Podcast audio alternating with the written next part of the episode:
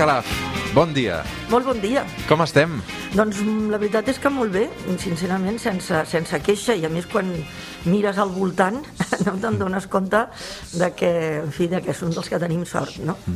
Som al Baix Penedès. Eh, em va sorprendre que una persona que ha viatjat tant, tant, tant, tant com tu hagi acabat, no? O s'hagi decidit passar també eh, la seva vida en un poblet petit, no?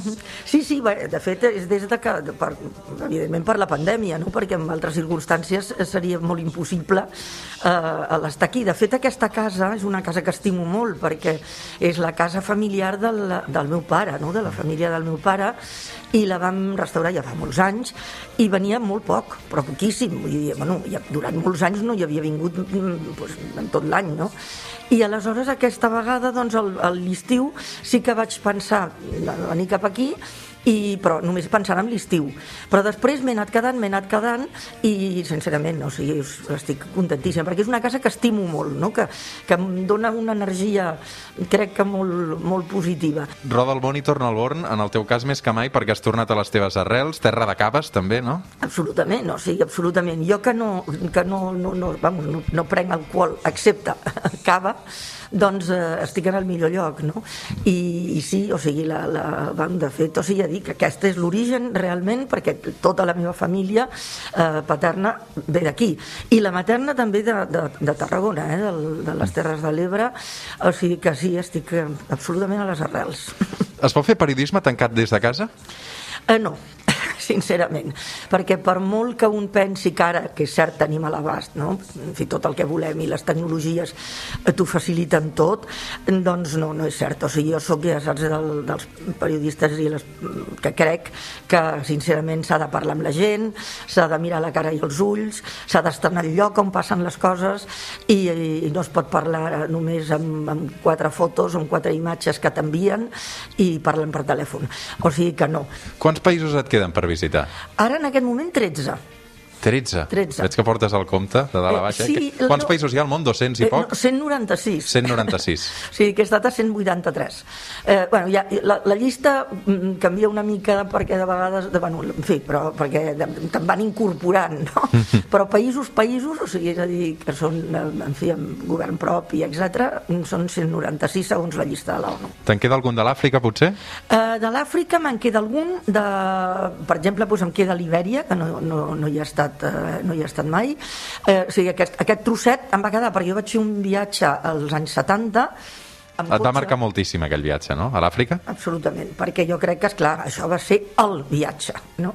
perquè va ser un, un mes d'un any, o sigui, gairebé 14 mesos, i, i des de Barcelona fins, fins a Ciutat del Cap, no? fins, a, fins a Sud-àfrica, i bueno, 26 països, eh, en fi, 60 més de 60.000 quilòmetres, Eh, una cosa que ara no es podria fer, eh? o sigui, aquesta sempre la reflexió i la, i, i la, la pena que, que, que, que tinc, no? perquè penso que, que el món que parlem tant de globalització doncs el fem cada cop més petit, no? i ara aquest viatge seria impossible fer-lo. Al·lucino perquè en aquest viatge eh, he llegit que vas conèixer Kapuscinski. Sí, no, el vaig conèixer abans perquè quan el preparava, Kapuscinski llavors no era, No era conegut. conegut eh? no. El que passa és que ja era un periodista que sí que en els, bueno, en els cercles, no? sobretot del periodisme europeu, doncs sí que era, sí que era conegut, bueno, era respectat, no? Ja, doncs, ja ves, era clar, era molt insòlid, no? Perquè un, un polac, eh, sobretot, doncs no tenia tanta, tanta mobili no tenien tanta mobilitat o cap mobilitat, no? I aleshores, quan vaig estar preparant el viatge, doncs bueno, companys i amics i, i uns francesos amics em van dir escolta, hauries de parlar amb, en, amb, amb aquest company tal, perquè he fet ja viatges per l'Àfrica i, i, i vaig parlar-hi sí, sí. Mm. I què tal? Bé, molt bé, molt bé. Bueno, a veure, clar, en aquell moment, o sigui, ara també et veus a vegades quan, quan hi penses, doncs, eh, el, el, el, el mite, no? o sigui, el personatge, de vegades et, et pot, no? Però sí, el que recordo, sincerament, no ho recordo amb molt de detall, però recordo que va ser molt, molt amable i, vamos, molt, en fi, molt amb ganes d'ajudar, no? No, no, no era gens estrella, eh, en absolut, eh, en absolut. Com era fer periodisme sense internet? Doncs la veritat que era, clar, molt més complicat en el sentit del, diguem, de l'accés no? a, la, a les fonts i, de l'organització, però sí que crec que, que era, mm, tenies més capacitat i més mm, possibilitat de mm, reflexió, eh, d'anàlisi i, de, i tenies temps, no? perquè és que el temps és, és extraordinàriament important per aquesta professió, perquè no es poden fer les coses ràpidament i de qualsevol manera, no? I aleshores, doncs, clar, el temps sí que el, sí que el tenies, però sí que era, era, era molt més difícil, oi?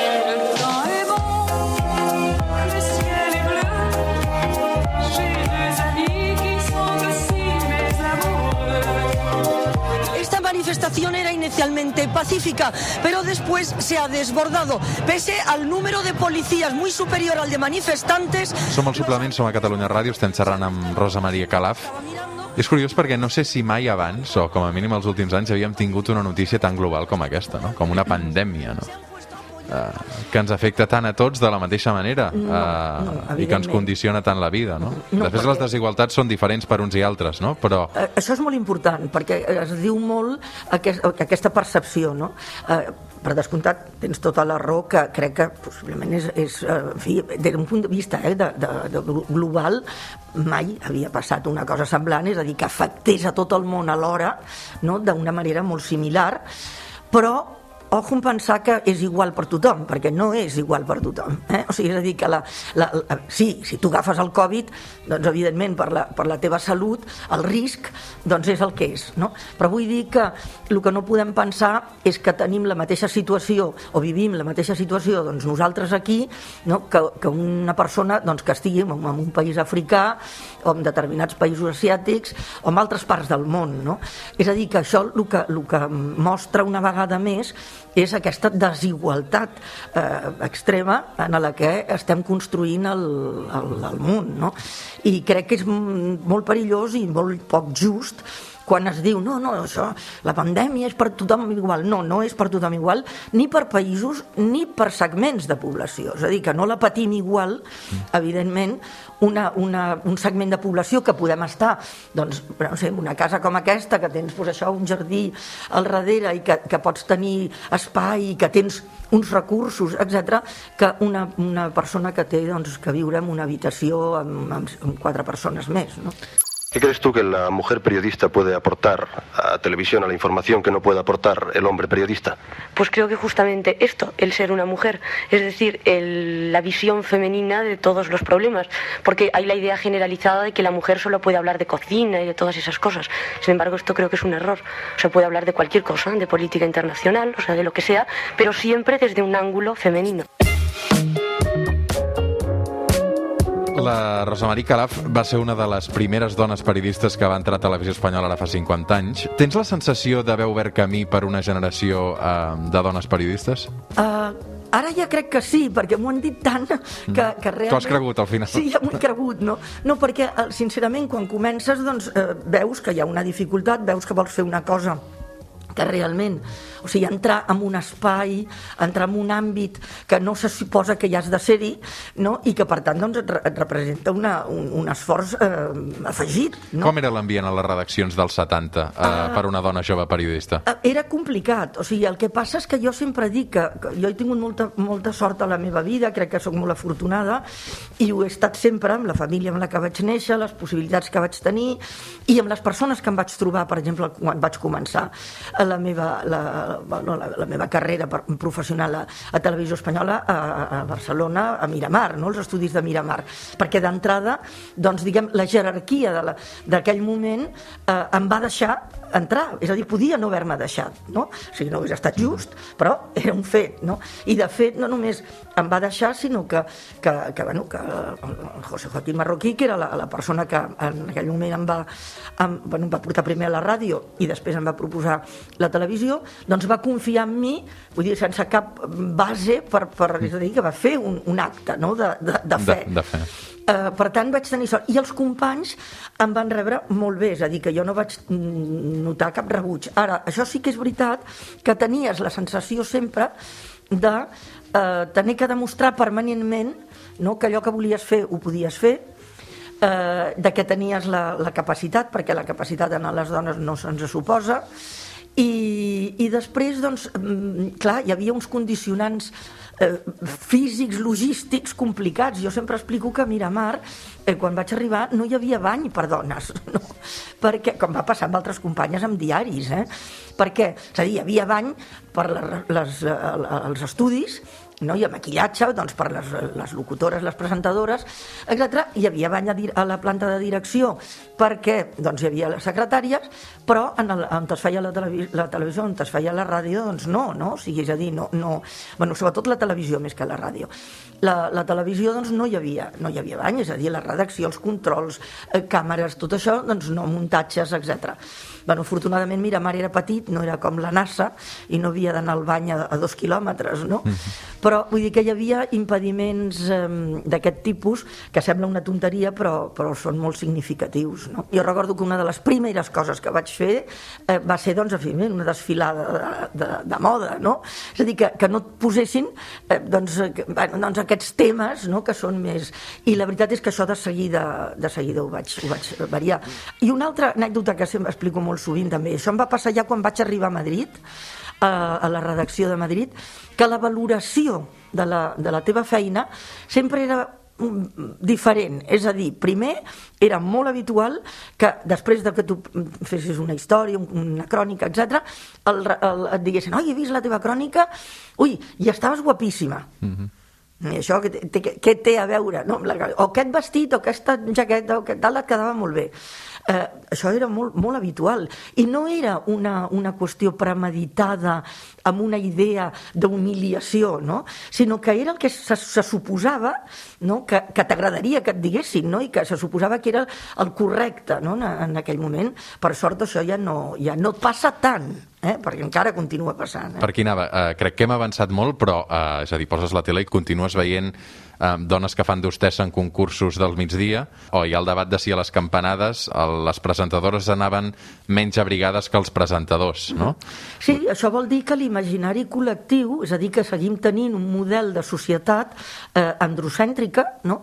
eh, amb valors masculins, i que, clar, jo mai hagués pensat, quan jo lluitava ja per la, per la, per la igualtat i, i pel feminisme als anys 60, doncs a la universitat i tot això, que ara en ple segle XXI seguiríem amb el mateix, amb el mateix discurs, no? I, i, i encara hauríem d'estar explicant què és el feminisme i encara hauríem d'estar dient que només estem parlant doncs, de drets de, de les persones, és a dir, de la, més de la meitat de la població que no tenen els drets i les opcions que igual que l'altra meitat, només per una qüestió, qüestió de, de, de si neix, neixes home o, o dona.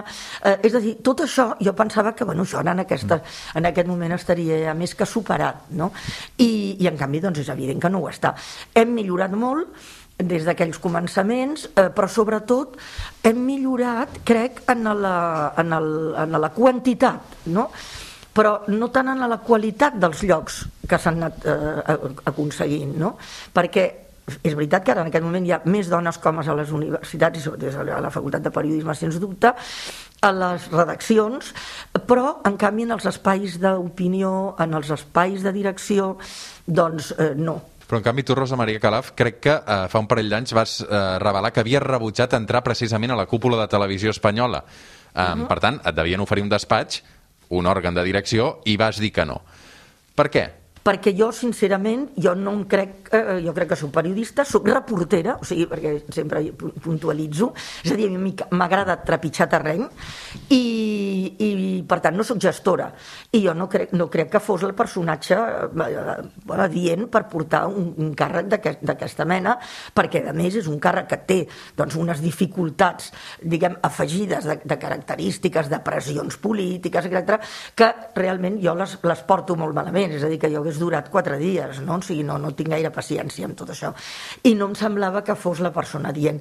Però en, en, en la teva pregunta és important, efectivament, el reconèixer que, que, que, bueno, que, que, que no estava, per una banda, no estava massa contenta de mi mateixa perquè em preguntava si no m'hauria de sacrificar, no? Perquè pensava, bueno, et queixes moltes vegades de que les coses no creus que es facin del tot bé i en un moment que potser et donen una possibilitat d'intentar almenys, no? doncs fer les coses d'una altra manera, doncs eh, dius que no, perquè, ja dic, per una, la, la, el principal és perquè realment jo no creia en absolut que fos la persona, mm. eh, ja dic, més, més apropiada, eh? però, però per una altra part, doncs per una mica d'egoisme personal. Pel que fa als equipaments i les instal·lacions, la primera cosa que determinàrem, ara ja fa un any, fou el nombre d'hores de programació, de la nostra programació definitiva. Acordàvem Rosa Maria Calaf, per anar acabant i també tornant a aquesta etapa de TV3 que tu vas arrencar, que va ser molt curta, vas coincidir amb Alfons Quintà, que va ser el primer director de la, de la cadena. Eh, et volia preguntar per la figura d'Alfons Quintà, mort eh, fa uns anys, eh, fa poc, eh, suïcidat ja després d'assassinar la seva dona, i et volia preguntar per aquesta figura perquè el periodista Jordi Amat ha fet un llibre sensacional que es titula El fill del xofer, que repassa la, la biografia de, de l'Alfons Quintà, Um, sé que uh, vau estar en contacte amb el Jordi Amat a l'hora sí, d'escriure sí, sí. aquest llibre um, i volia repassar un fragment que descriu el personatge. A vegades, sense cap motiu, Quintà s'aixeca del despatx de director de la televisió. Desapareix i només alguns saben que se n'ha anat a navegar. Tots saben que la seva dona és japonesa, perquè, a més, ell no es talla a l'hora d'explicar les seves relacions sexuals amb ella eh, com una experiència exòtica. Però totes saben també que és millor evitar una invitació al vaixell o, si no, s'haurà d'evitar un intent d'assetjament. És un dels personatges segurament més nefastos eh, de la història d'aquest país que ha ocupat posicions de poder, no? Sens dubte, sí, sí. Sí, eh, la veritat és que eh, era una persona, mm, vamos, jo sempre ho he dit, que, que tenia una extraordinària intel·ligència, no? Eh, eh, bueno, jo això, clar, una cosa no, no, no va contra l'altra, eh, però tenia al mateix temps una, una extraordinària maldat, no? vull dir, era una persona dolenta, o sigui, una mala persona, o sigui, el que diríem doncs que és una mala persona. El que passa és que al principi eh, Bueno, doncs eh, el consideràvem eh, una mica, bueno, no una mica, o sigui, molt excèntric. Eh, a mi, per exemple, això que el, el, aquest tros que has llegit, o sigui, jo, per exemple, a mi no va parlar mai, de, de, de, per descomptat, de davant meu, o sigui, mai va fer referències doncs, ni a qüestions sexuals de la seva dona, en fi, tot, tot això, tal, però em consta que efectivament ho, ho, ho feia, no?, perquè bueno, doncs, ho comentaven els companys, etc. no? Aleshores, jo, va ser, doncs, ja dic, una persona que jo la, la, tinc una ambivalència, és a dir, evidentment, eh, és, en fi, és un assassí, o sigui, vull dir, pur, pur i no em va sorprendre quan va passar això, eh? O sigui, és a dir, quan em van dir, escolta, ha matat a la seva dona.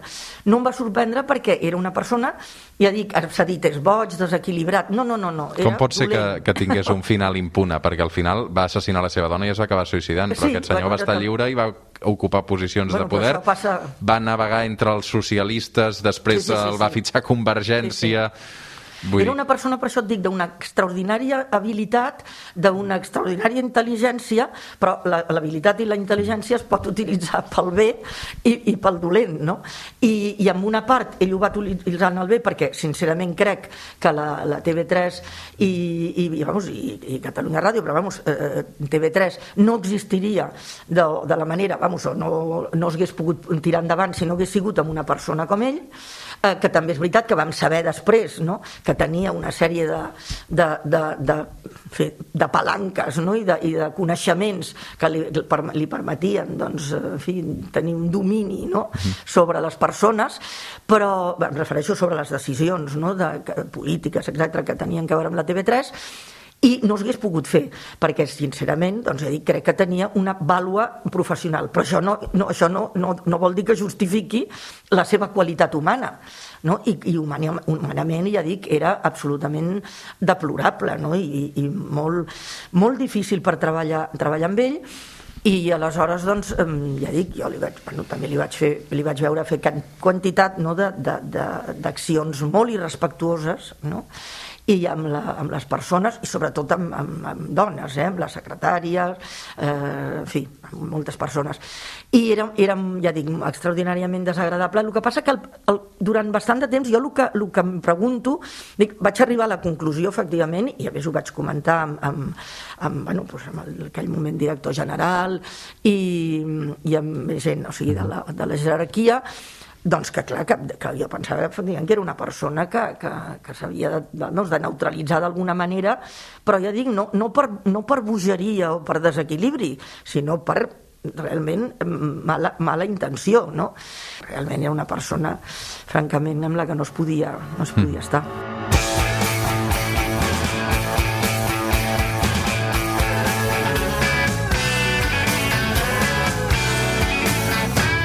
Vaig acabant, Rosa Maria Calaf, què li demanes al futur?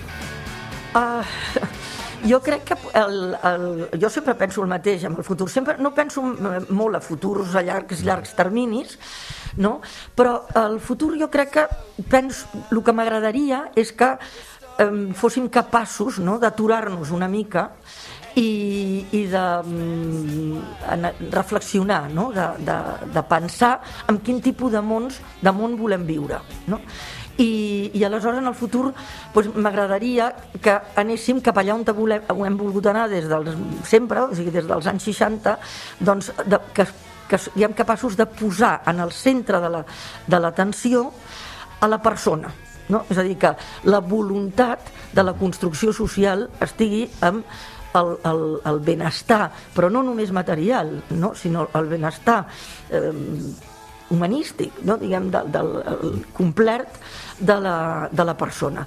I això en aquest moment crec que està en un, en un seriós risc de que no sigui així, per tant, un futur amb la persona en el, en el centre de l'interès i un futur on siguin importants eh, el respecte dels drets de, la, de les persones i on realment, ja dic, es pugui eh, doncs, viure, perquè el gran problema d'aquesta societat jo crec que és la injustícia i la desigualtat. No? Mm. Doncs que aquest, això no siguin només paraules. I a nivell personal, et, et fa por fer-te gran? No, no, no, no, no, no. Home, em fa por des del punt de vista físic de, de tenir problemes de, de, de salut, no?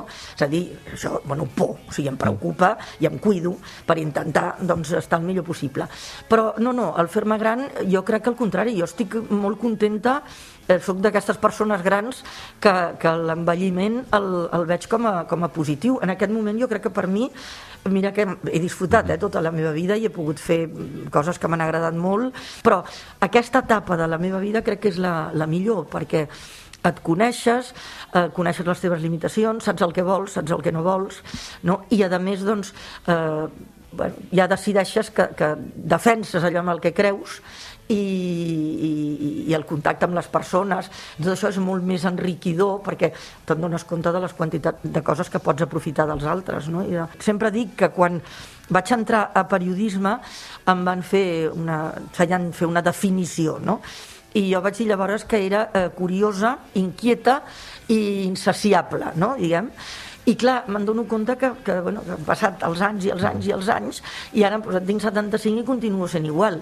És a dir, que la curiositat em pot fer anar pues, a fer en fi, coses complicadíssimes eh, i que ho faig amb, el, en fi, amb aquest mateix neguit no? d'aprendre i que mai en tinc prou. O sigui que espero poder arribar al final eh, així. No? I... Rosa Maria Calaf, m'agrada molt xerrar una estona amb tu. Doncs moltes gràcies i la veritat és que us agraeixo i és un luxe eh, que en aquest moment doncs, eh, hi hagi espais no? eh, i temps en els mitjans de comunicació doncs, per poder, no sé, compartir, no? perquè això crec que és el més important. Gràcies, que tinguis bon dia. Gràcies a vosaltres.